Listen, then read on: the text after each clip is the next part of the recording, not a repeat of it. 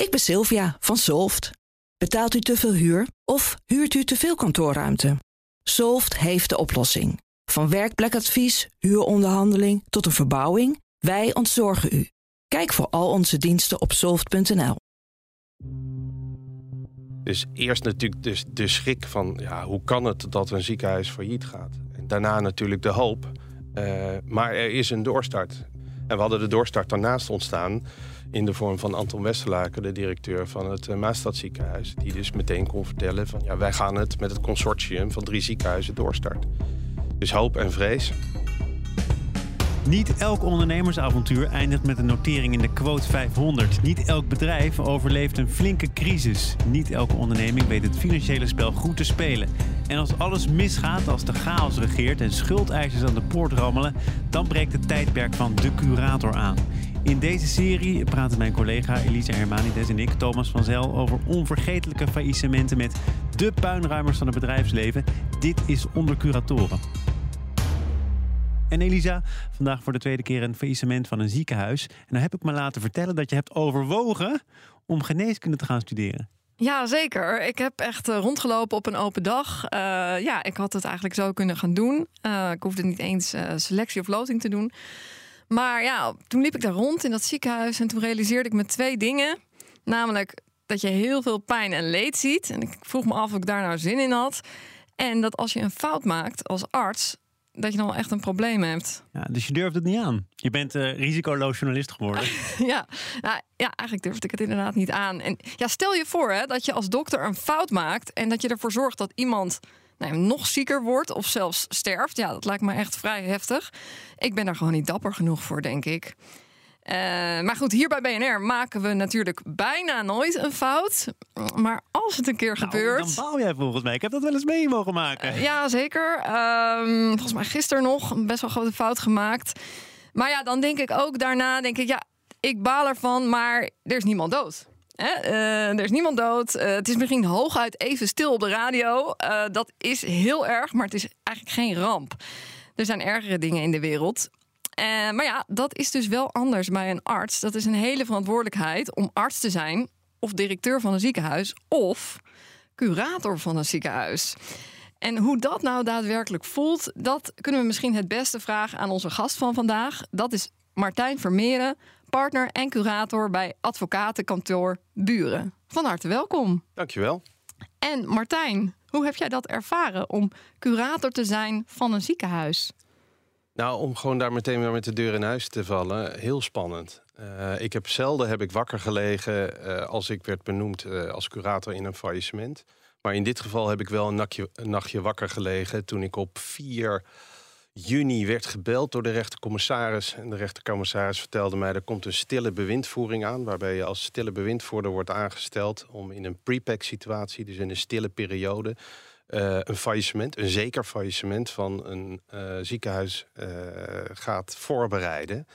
En toen dacht ik al, oh jee, welke dag zou het dan failliet gaan? En als het dan maar allemaal goed gaat. Net zoals jij zei, ja, dat er geen ongelukken met patiënten gebeuren. Maar toch doe je het dan? Of is het iets waar je langer over na moet denken? Als je weet wat je jezelf op de hals haalt. Natuurlijk denk je erover na, maar uh, je beroep is insolventiespecialist. En dan ben je dus deels curator en deels advocaat van bedrijven in problemen. Dus uh, ja, daar heb je voor gekozen. Dus die keuze had ik eigenlijk al eerder gemaakt. Dus ik dacht, ja, ik ga het doen. Maar het was wel het eerste echte ziekenhuis in Nederland dat failliet ging. Ruwaard van Putten ziekenhuis. Ja, het Ruwaard van Putten ziekenhuis. Uh, het SMC inmiddels genaamd, genoemd, in Spijkenisse. En, dus ja, uh, daar zat wel uh, een enorme uitdaging. Maar ik zei wel meteen ja. Ik had ook een collega, uh, curator Henry Bentford. Dus die heb ik meteen gebeld.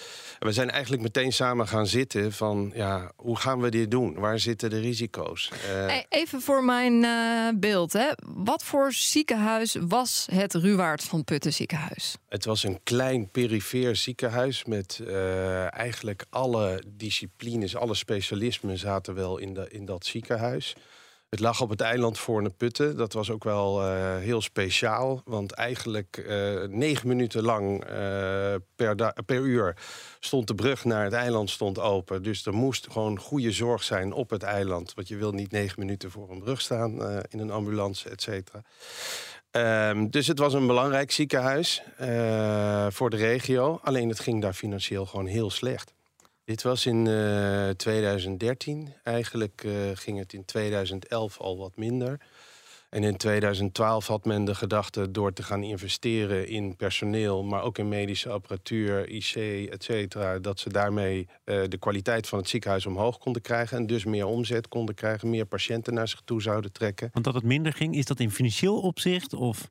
Kwalitatief nou, opzicht? Dat was beide, uh, hebben wij uh, kunnen onderzoeken. Dat we zagen dat, uh, kijk, eigenlijk is een ziekenhuis afhankelijk van dat een patiënt daar graag heen wil. En dat de verwijzers, dat zijn eigenlijk de aangevers van werk voor een ziekenhuis, dat zijn veelal de huisartsen, dat die ook verwijzen. Nou, je bent de enige op het eiland, zeg je net. Dus dat is dan toch ja, een fantastische positie. En toch gingen mensen het eiland af om naar andere ziekenhuizen te gaan.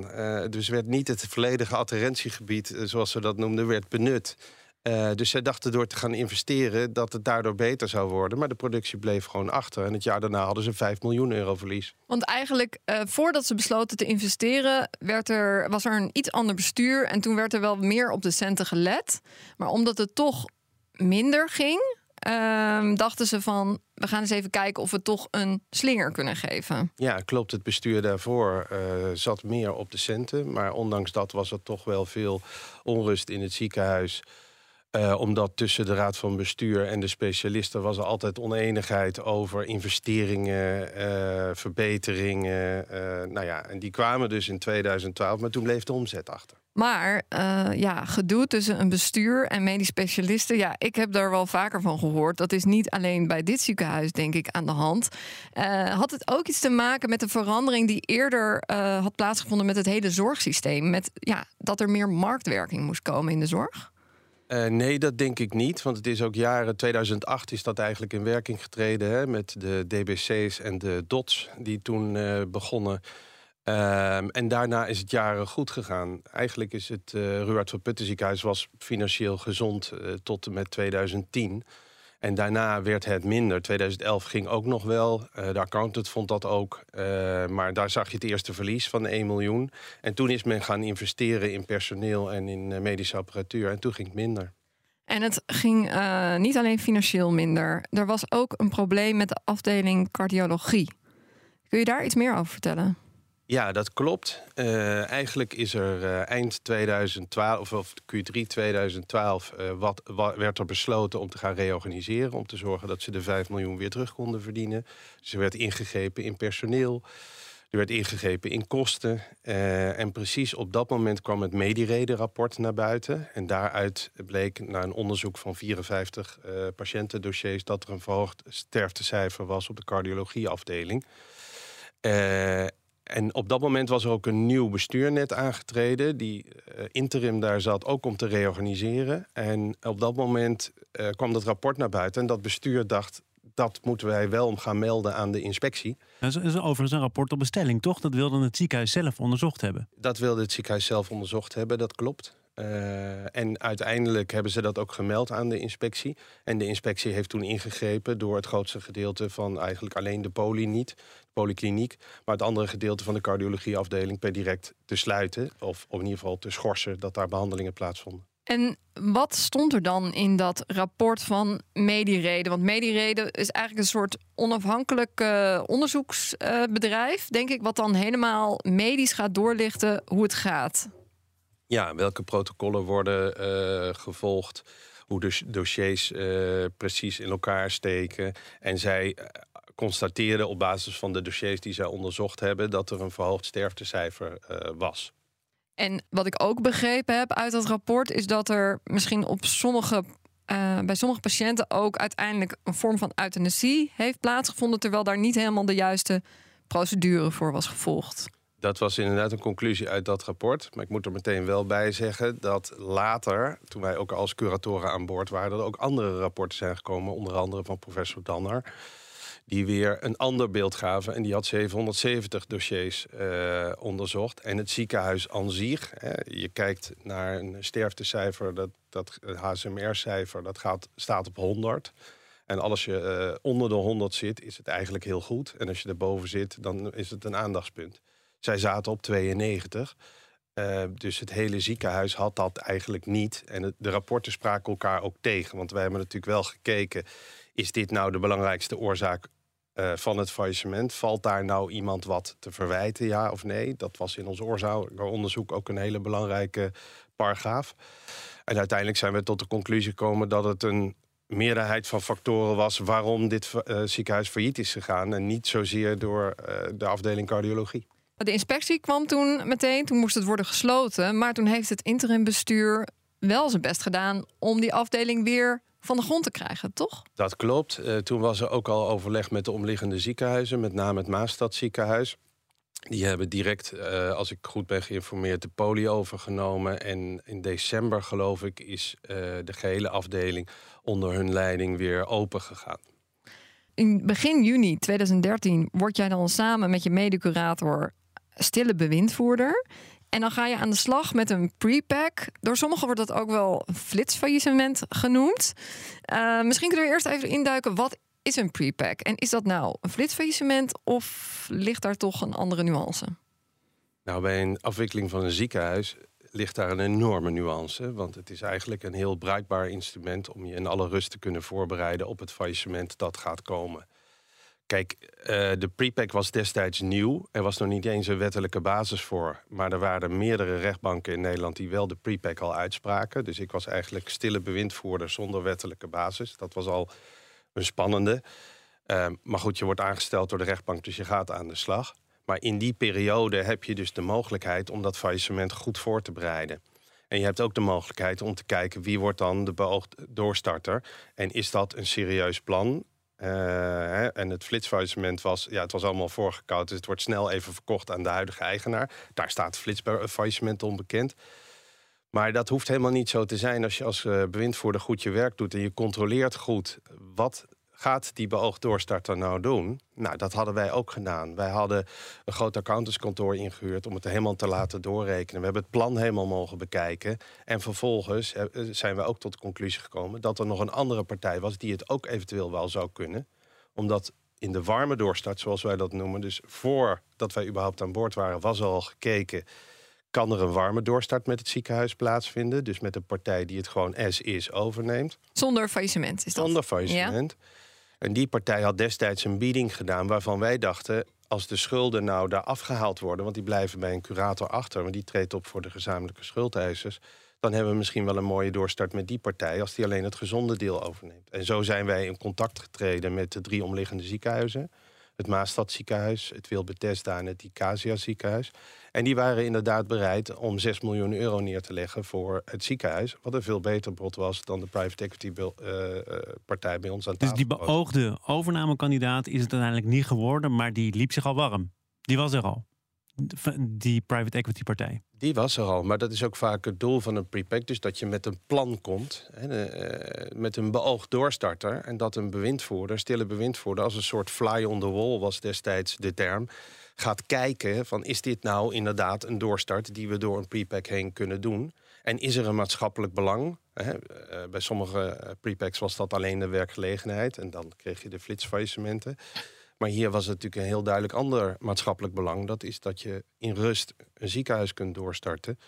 Waarbij de patiënten zo min mogelijk gevaar lopen. Werknemers een baan behouden, et cetera. Uh, vorige week hadden we het over Secure Cash. Uh, daar was sprake van een plan uh, voor een acceptabele landing. Dat ging over waardetransport, ook best wel gevoelig faillissement toen hebben we ook de vraag gesteld: is dat nou prettig als je als curator ergens binnenkomt, of in dit geval als stille bewindvoerder, en er is eigenlijk al een beetje bekokstoofd wat er moet gebeuren? Is dat prettig of denk je ook wel van, nou, nou, wij zullen als curator al eens even zien of dit wel een goed idee is? Nou, ik denk dat uh, beide waar is. Uh, het is prettig in de zin dat het, als het goed is, goed voorbereid is. Dus dat je echt alle stukken nodig, die er nodig zijn voor een doorstart, dat die er al zijn. Dus een voorstel, een financieel plan, een operationeel plan, et cetera. Maar uiteindelijk moet je als curator ook wel heel kritisch zijn van moet ik dit willen in een prepack situatie? Want wellicht dat in een faillissement situatie er wel andere partijen ook opstaan die ook geïnteresseerd zijn, die misschien uiteindelijk wel een beter plan hebben en meer bieden. En die private equity partij, Plain Vanilla, dat bleek uiteindelijk gewoon niet de beste keus dus.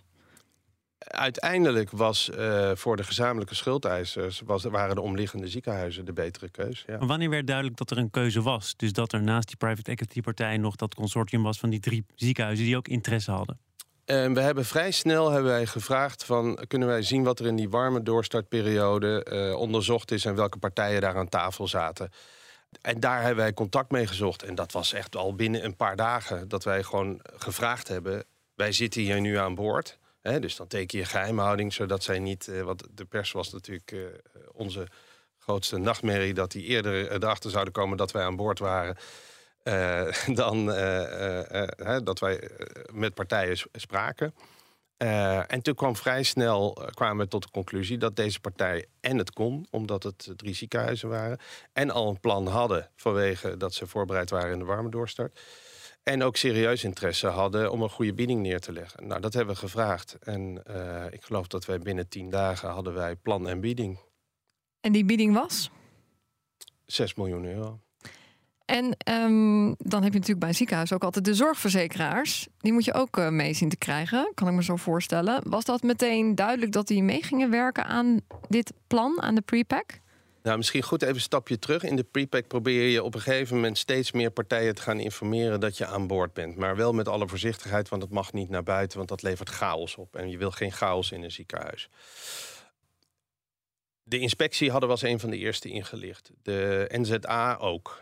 Uh, de zorgautoriteit. Ja, klopt. Ministerie hadden we ook ingelicht. En toen uh, ook vrij snel uh, daarna, of op hetzelfde moment misschien wel, de verzekeraars.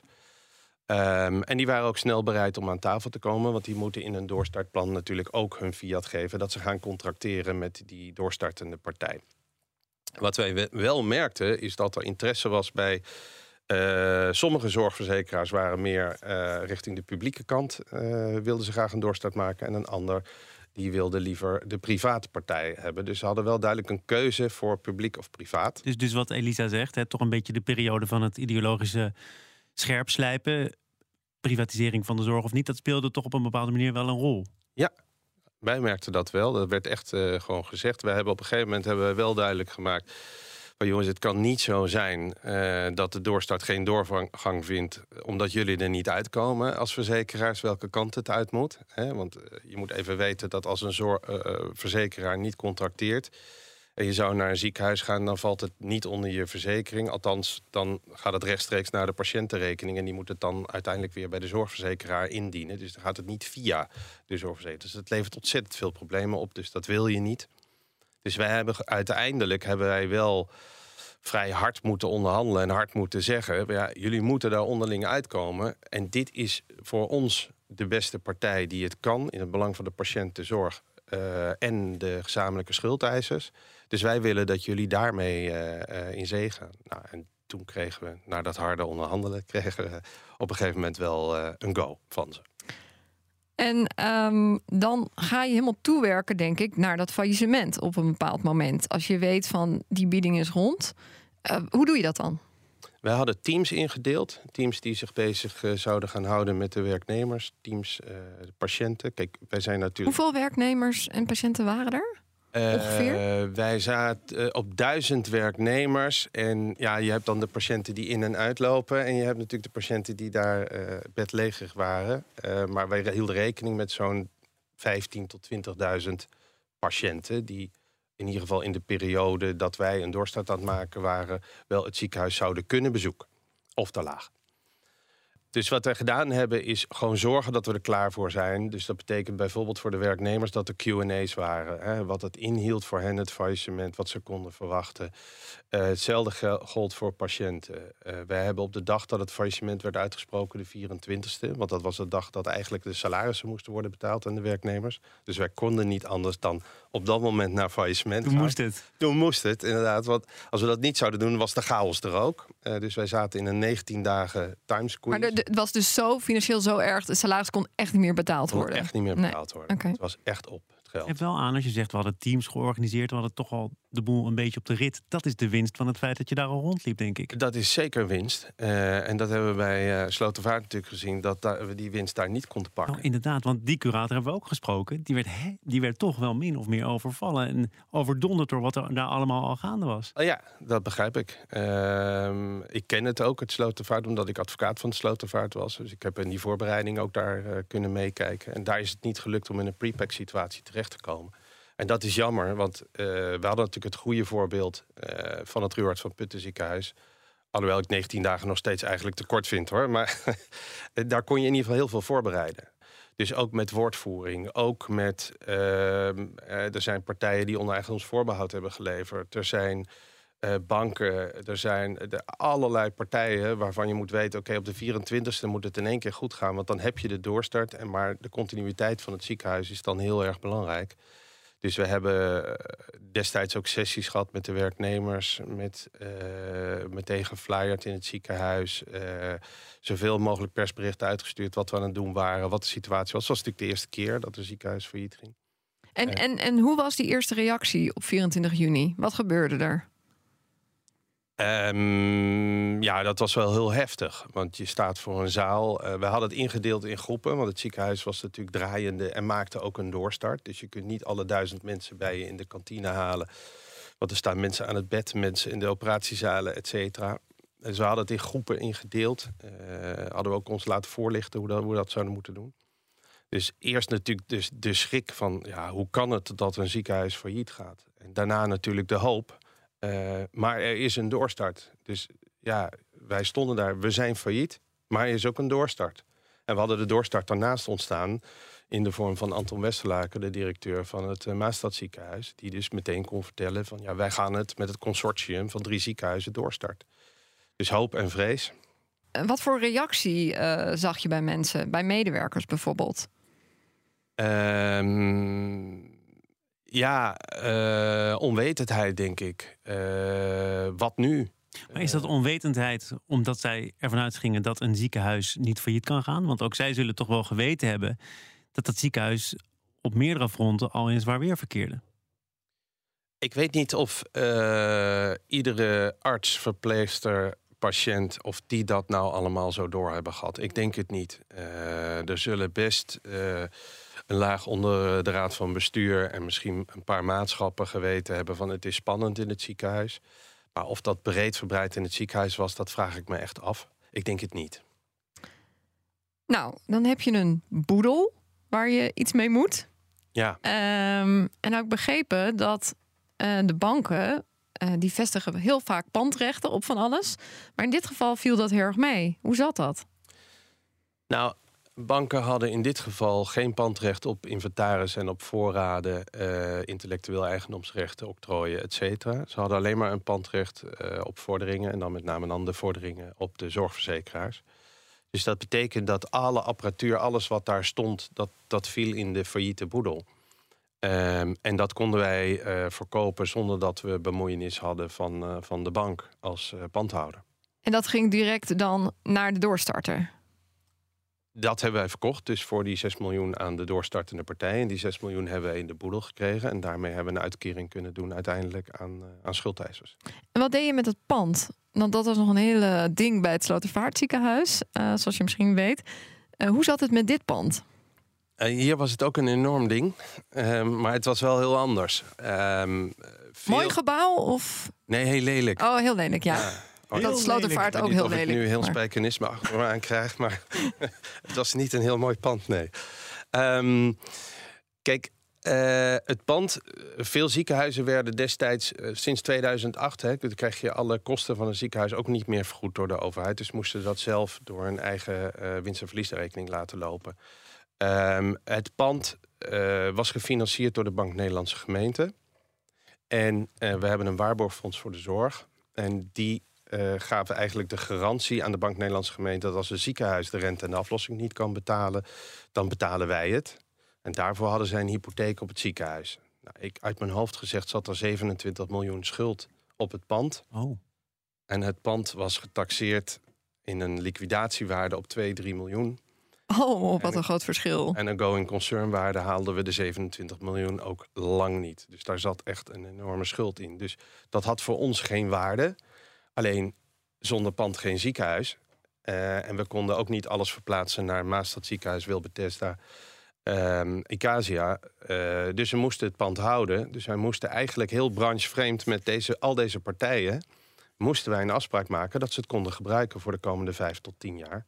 En dat is uiteindelijk gelukt. Daar hadden we ook nog de gemeente bij nodig. Want de gemeente was nog juridisch eigenaar van het ziekenhuis... om het nog complexer te maken. En het economische eigendom van het ziekenhuis zat in de boedel... en was dus van eh, het Ruwaard van Putten ziekenhuis. Hoe zat het eigenlijk met de medisch specialisten die eerder zoveel oneenigheid hadden met eh, eerdere besturen? Ehm, ja, die zitten vaak natuurlijk in een maatschap. Hebben zij dan een andere positie dan gewone werknemers? Ja, werknemers hebben een arbeidsrechtelijke relatie... en worden gedekt door een garantiestelsel wat we in Nederland hebben. Eh, de maatschappen hebben eigenlijk alleen een contract... een soort van commercieel contract met het ziekenhuis. Eh, en dat eh, contract eindigde op datum faillissement. En bij sommigen kon het worden beëindigd. Dat waren verschillende contracten. Ehm, en dan is het aan de doorstartende partij om met hen een nieuw contract aan te gaan. En dat heeft de doorstartende partij niet gedaan. Ze hebben eigenlijk de specialisten, althans een groot deel van de specialisten, aangeboden om daar in loondienst te treden. En wat vonden de medisch specialisten daarvan? Ja, die vonden dat eh, niet altijd even fijn, nee. Nou, het, het heeft jou volgens mij als curator ook nog jaren bezig gehouden. Ik heb even gekeken naar de, de puinhopen, ook, ook wat er goed gegaan is in dit faillissement. Maar die medisch specialisten, die hebben het er niet per se meteen bij laten zitten, toch? Nee, dat klopt. Die medisch specialisten vonden dat wij hen bij de doorstart hadden moeten betrekken. Eh, in de zin dat, wij, eh, dat zij gesprekspartner aan tafel zouden zijn. Alleen wij hadden toen al duidelijk eh, te horen gekregen dat de overeenkomsten met de medisch specialisten niet eh, één op één zouden overgaan. Ehm, dus ja, zij hebben ons dat verweten en hebben gezegd dat wij eh, daardoor onzorgvuldig hebben gehandeld. Eh, nou, uiteindelijk is dat helemaal naar de Hoge Raad toegegaan. En de Hoge Raad vond dat wij wel zorgvuldig hadden gehandeld. Ehm, Waarom is dat zo hoog opgelopen, tot aan de Hoge Raad aan toe? Ik denk omdat zij ook wel echt heel veel schade hierdoor hebben opgelopen. En zeker de eh, medisch specialisten die niet mee door mochten, die moesten natuurlijk elders een, eh, eh, een aanstelling vinden. en ook blijven opereren, want anders zouden ze uit het BIG-register worden eh, gegooid. En dat was toen niet even makkelijk, begrepen wij. Dat is allemaal van horen zeggen, maar dat was niet zo makkelijk. Er zijn ook specialisten die in het buitenland uiteindelijk zijn gaan opereren. Maar was dat ook niet zo makkelijk omdat het ziekenhuis uiteindelijk ook niet zo'n goed imago meer had? Dat weet ik niet. Dat durf ik niet te zeggen. Ehm, er was ook nog een akkefietje met eh, de verzekeraar, een Medirisk. En wat gebeurde er daarmee? Nou, kijk, eh, aansprakelijkheidsverzekeringen, eh, en dan specifiek deze verzekering, die eindigde op het moment dat er een faillissement is. Nou staat er in de faillissementswet, die eh, ooit in 1895 bedacht is en 1897 is ingevoerd, Dit zeg, je, dit zeg je met een reden, of niet? dat het faillissement terugwerkt naar 000 uur van dezelfde dag dat het wordt uitgesproken.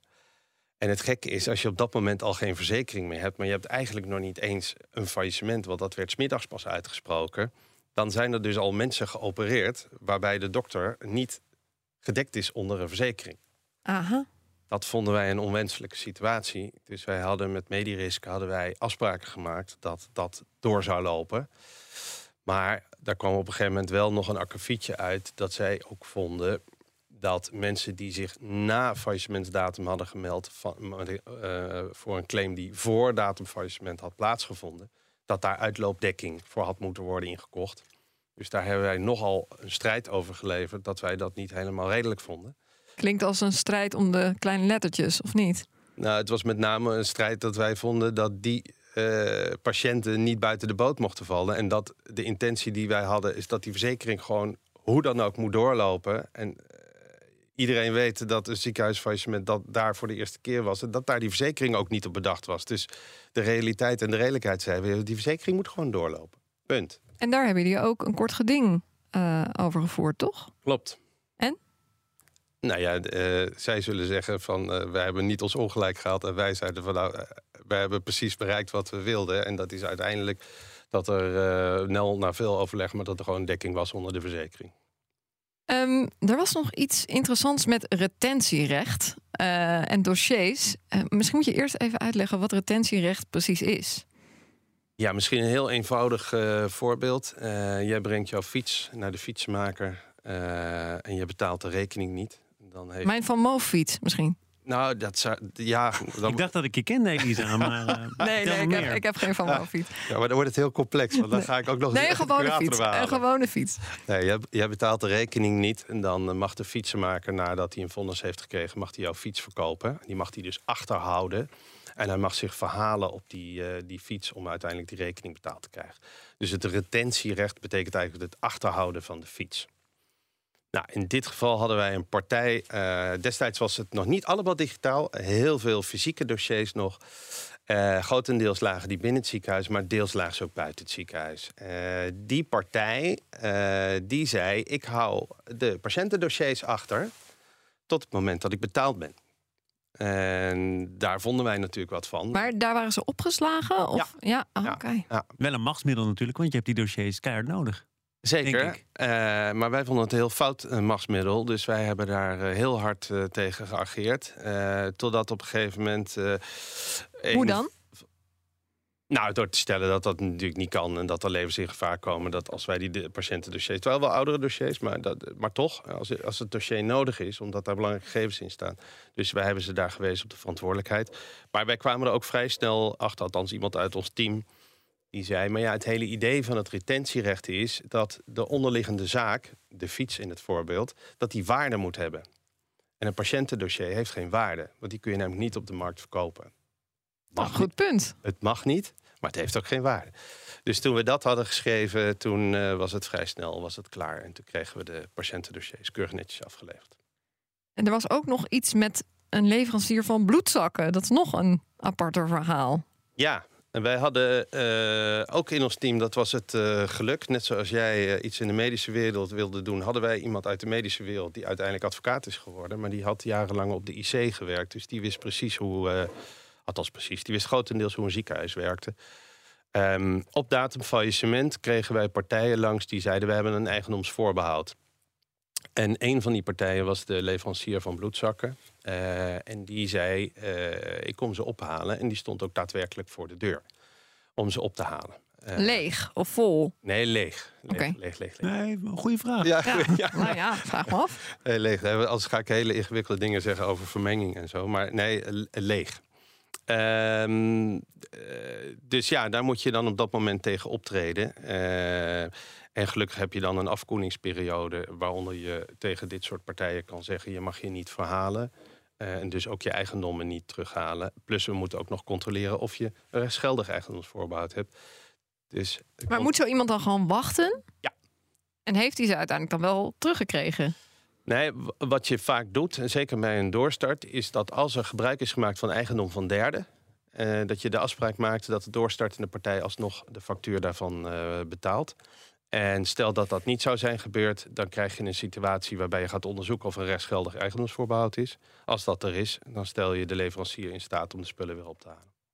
Je zei net eh, tussendoor, we hadden het geluk dat we iemand in ons team hadden die enigszins wist hoe een ziekenhuis in elkaar zat. Is dat nou geluk of kun je je team zo samenstellen dat je ook precies weet waar je moet beginnen? Ehm, kijk, iedereen zegt altijd van ja, de curator, eh, dat is degene die het gaat doen. Maar dat is natuurlijk niet zo. Want een curator heeft gewoon een heel groot team. Niet alleen met kantoorgenoten, maar ook met een financieel specialist. Ehm, en in dit geval wilde ik heel snel weten van wie wordt uiteindelijk de medisch eindverantwoordelijke over het ziekenhuis. Want dat kan ik niet zijn en dat mag ik niet zijn. Dus dat hebben we besproken met de verzekeraars en met de inspectie. Maar daar kregen wij eh, eigenlijk weinig eh, rapport van. Ja, die zeiden, eh, curator, jij moet het maar doen. En binnen het ziekenhuis hadden wij in de raad van bestuur wel... ik noem het even de oud-directeur geneesheer... maar dus een, een, iemand met een medische achtergrond... die het ziekenhuis op dat vlak bestuurde. En dat was zeg maar ons geweten eh, eh, tijdens die pre-pack-periode. En gelukkig hadden we op 24 juni hadden we drie ziekenhuizen. die Maar, dat- maar dat je zegt, hè, ik, ik voelde me niet eh, de persoon om medisch verantwoordelijk te worden voor het rijlen en zeilen van het ziekenhuis. Heeft dat dan te maken met het feit dat het hier een ziekenhuis betreft? Of heb je dat gevoel ook bij, laten we zeggen, een autodealer die failliet gaat? Nou, kijk, bij een autodealer die uh, failliet gaat, als je de onderneming dan niet meer onder controle hebt, dan kun je de bekende rolluiken dicht doen. En dan ga je eerst goed inventariseren van wat is daar en kan ik nog wel voortzetten of doorstarten. Uh, bij een ziekenhuis gaat dat niet. Uh, je kunt niet de rolluiken dicht doen en zeggen, nou, ik maak even pas op de plaats. Dus je moet vanaf moment één moet je weten dat het ziekenhuis ook onder controle is. nou, dan bel je dus de toezichthoudende orgaan, in dit geval, de inspectie. Eh, de verzekeraar moet voor continuïteit van zorg eh, zorgen. En binnen het ziekenhuis heb je natuurlijk medisch specialisten. En je hebt een bestuur die ook uit medici bestaat. En eh, die moeten die verantwoordelijkheid pakken. En ik kan daar kritische vragen stellen en controleren. En dat doen we ook, dat deden we ook. Maar op, mijn kennis houdt natuurlijk op een bepaald vlak op. Dus daardoor kon je ook wel rustig slapen met dit in het achterhoofd. Um, ik gaf volgens mij al aan dat ik die eerste dag uh, helemaal niet rustig uh, sliep. Uh, daarna kregen we wel steeds meer controle, dachten wij. en werd het wat rustiger, ja. Ik begreep dat de lokale SP zich er ook nog mee heeft bemoeid. Die wilde actie voeren voor het ziekenhuis.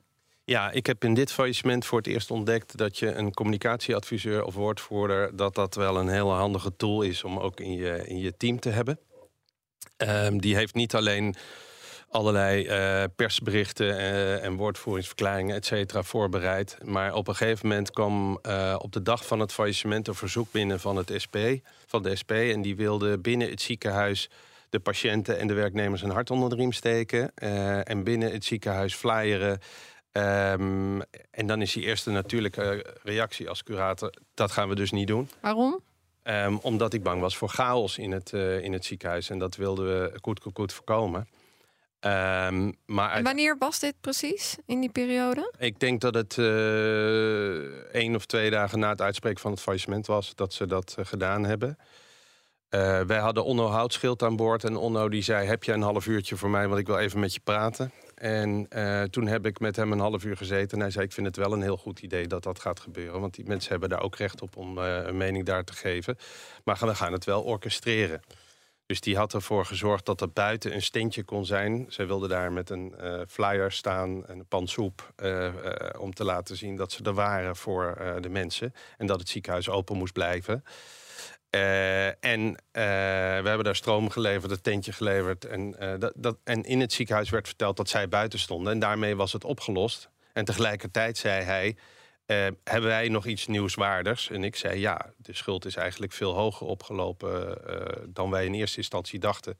Dus wij hebben vlak daarvoor hebben een persbericht uitgegeven dat de schuld in het Ruwaard van Putten ziekenhuis vele malen hoger was dan we eerder dachten. En daar dook de pers op dat moment massaal op uh, en niet op uh, het andere stuk. Oh, wat strategisch. Ja, ja, wat ja. vinden we hier nou van, de journalisten? Toch weer, ja, de, de pers... Ja, ik dacht, dit vinden jullie vast mooi om te horen. Ja, de, de pers is schaamteloos gemanipuleerd. Uh, ja, nou ja, ingenieus. Nee, um, maar het, wel, het goede is... Kijk, wat er naar buiten komt, klopt op dat moment. En als je niet communiceert, en dat zei hij ook... Uh, dan komen er dingen op straat te liggen uh, die helemaal niet kloppen. En dan moet je daar tegen ingaan. Uh, ja, maar dat je het communiceert is natuurlijk goed. Maar je ja. wilde wel de SP ook de wind uit de zeilen nemen, toch? Door te zeggen, dit is er op dit moment ook. Richt daar je aandacht op. Nou, uh, wij wilden die chaos voorkomen. Uh, en op dat moment uh, hadden we dat denk ik goed gedaan... door gewoon ze wel een positie te geven... en te zorgen dat ze daar het hele verhaal konden vertellen. En dat was prima. Maar ik was gewoon echt heel bang dat als ze in het ziekenhuis rond gingen lopen... dat dat een probleem zou opleveren. Dat werd door die iedereen afgeraden. Dus dat had ik ook niet zelf in mijn eentje verzonnen van dat mag niet. Maar ook inspectie, ook iedereen zei dat lijkt me niet zo'n heel goed idee. Maar de woordvoerder zei van wel. En dus uh, werd het buiten gewoon uh, soep uh, uitdelen. Zo is het. En wat is nou jouw aftronk bij het verhaal? Hoe kijk je terug op dit faillissement? Nou, ik denk dat het redelijk gecontroleerd heeft kunnen plaatsvinden. Ehm, ik stel me nog steeds wel hardop de vraag: waren 19 dagen niet te kort? Uh, even vanuitgaande dat het politieke bestel op dit moment is dat een ziekenhuis failliet moet kunnen gaan. Uh, dan is mijn persoonlijke mening dat iedereen dan wel zijn rol zou moeten kennen. Uh, en dat je dat echt heel gecontroleerd moet doen. En dan is 19 dagen wel heel erg kort. Wat had je gewonnen met een week extra? Nou, ik denk een paar maanden extra. Een paar maanden extra. Daar zou ik het dan eh, over willen hebben. Nou, kijk, in dit geval was er een doorstart en gingen de eh, omliggende ziekenhuizen vanaf 24 juni weer verder. Maar stel in een situatie zoals je bij het Slotervaart had, dat er geen partij is die doorgaat, of men wil niet dat het ziekenhuis blijft bestaan, ja, dan denk ik dat je dat gecontroleerd moet doen, in stilte. Ehm, en dan heb je echt wel een paar maanden nodig om een ziekenhuis gewoon netjes af te wikkelen. Zorgen dat de patiënten goed terecht kunnen komen. Zorgen dat alles gewoon goed geregeld is. En eh 19 dagen in combinatie met een doorstart die er op handen was, dat ging net. Maar ik heb vrij weinig geslapen, kan ik je vertellen. En dan de hamvraag. Moet een ziekenhuis failliet kunnen gaan? Ehm, kijk, vanuit mijn perspectief denk ik dat dat wel zou moeten kunnen. Ehm, ik begrijp ook wel dat het stelsel op dit moment is dat eh, verzekeraars die moeten zorgen voor de beste prijs en de beste zorg. Dat die niet gevraagd kunnen worden om maar tegen te hoge prijzen of door het verstrekken van financieringen slecht draaiende ziekenhuizen overeind te houden. Ehm, maar het moet naar mijn idee wel in stilte en gecontroleerd. Dan kan het. Eh, hetzelfde geldt ook bijvoorbeeld bij banken of bij, hè, daar kan het ook. Ehm, maar anders moet je het niet willen, want de chaos wordt te groot en eh, de patiënten lopen dan gewoon onnodig risico. En als dat niet wordt opgepakt en opgelost, dan zou ik het geen goed idee vinden. Maar als dat goed, en ik denk dat dat kan, goed zou worden aangepakt, dan kan het.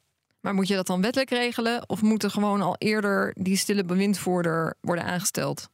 Nou, ik denk dat je het wettelijk moet regelen, maar ik denk ook dat je ervoor moet zorgen dat iedereen weet wat zijn rol is. Dus dat je eigenlijk een convenant moet hebben met verzekeraars, de inspectie, de NZA.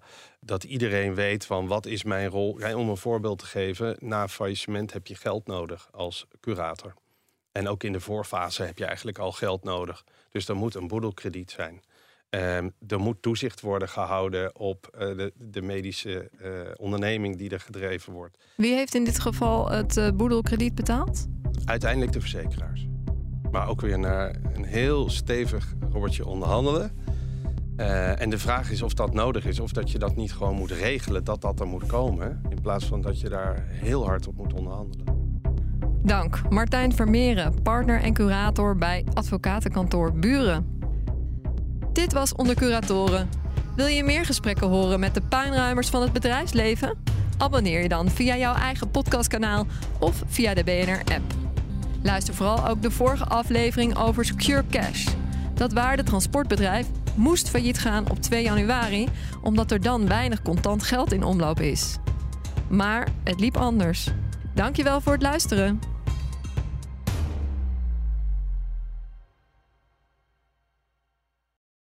Ik ben Sylvia van Solft. Betaalt u te veel huur of huurt u te veel kantoorruimte? Solft heeft de oplossing. Van werkplekadvies, huuronderhandeling tot een verbouwing, wij ontzorgen u. Kijk voor al onze diensten op soft.nl.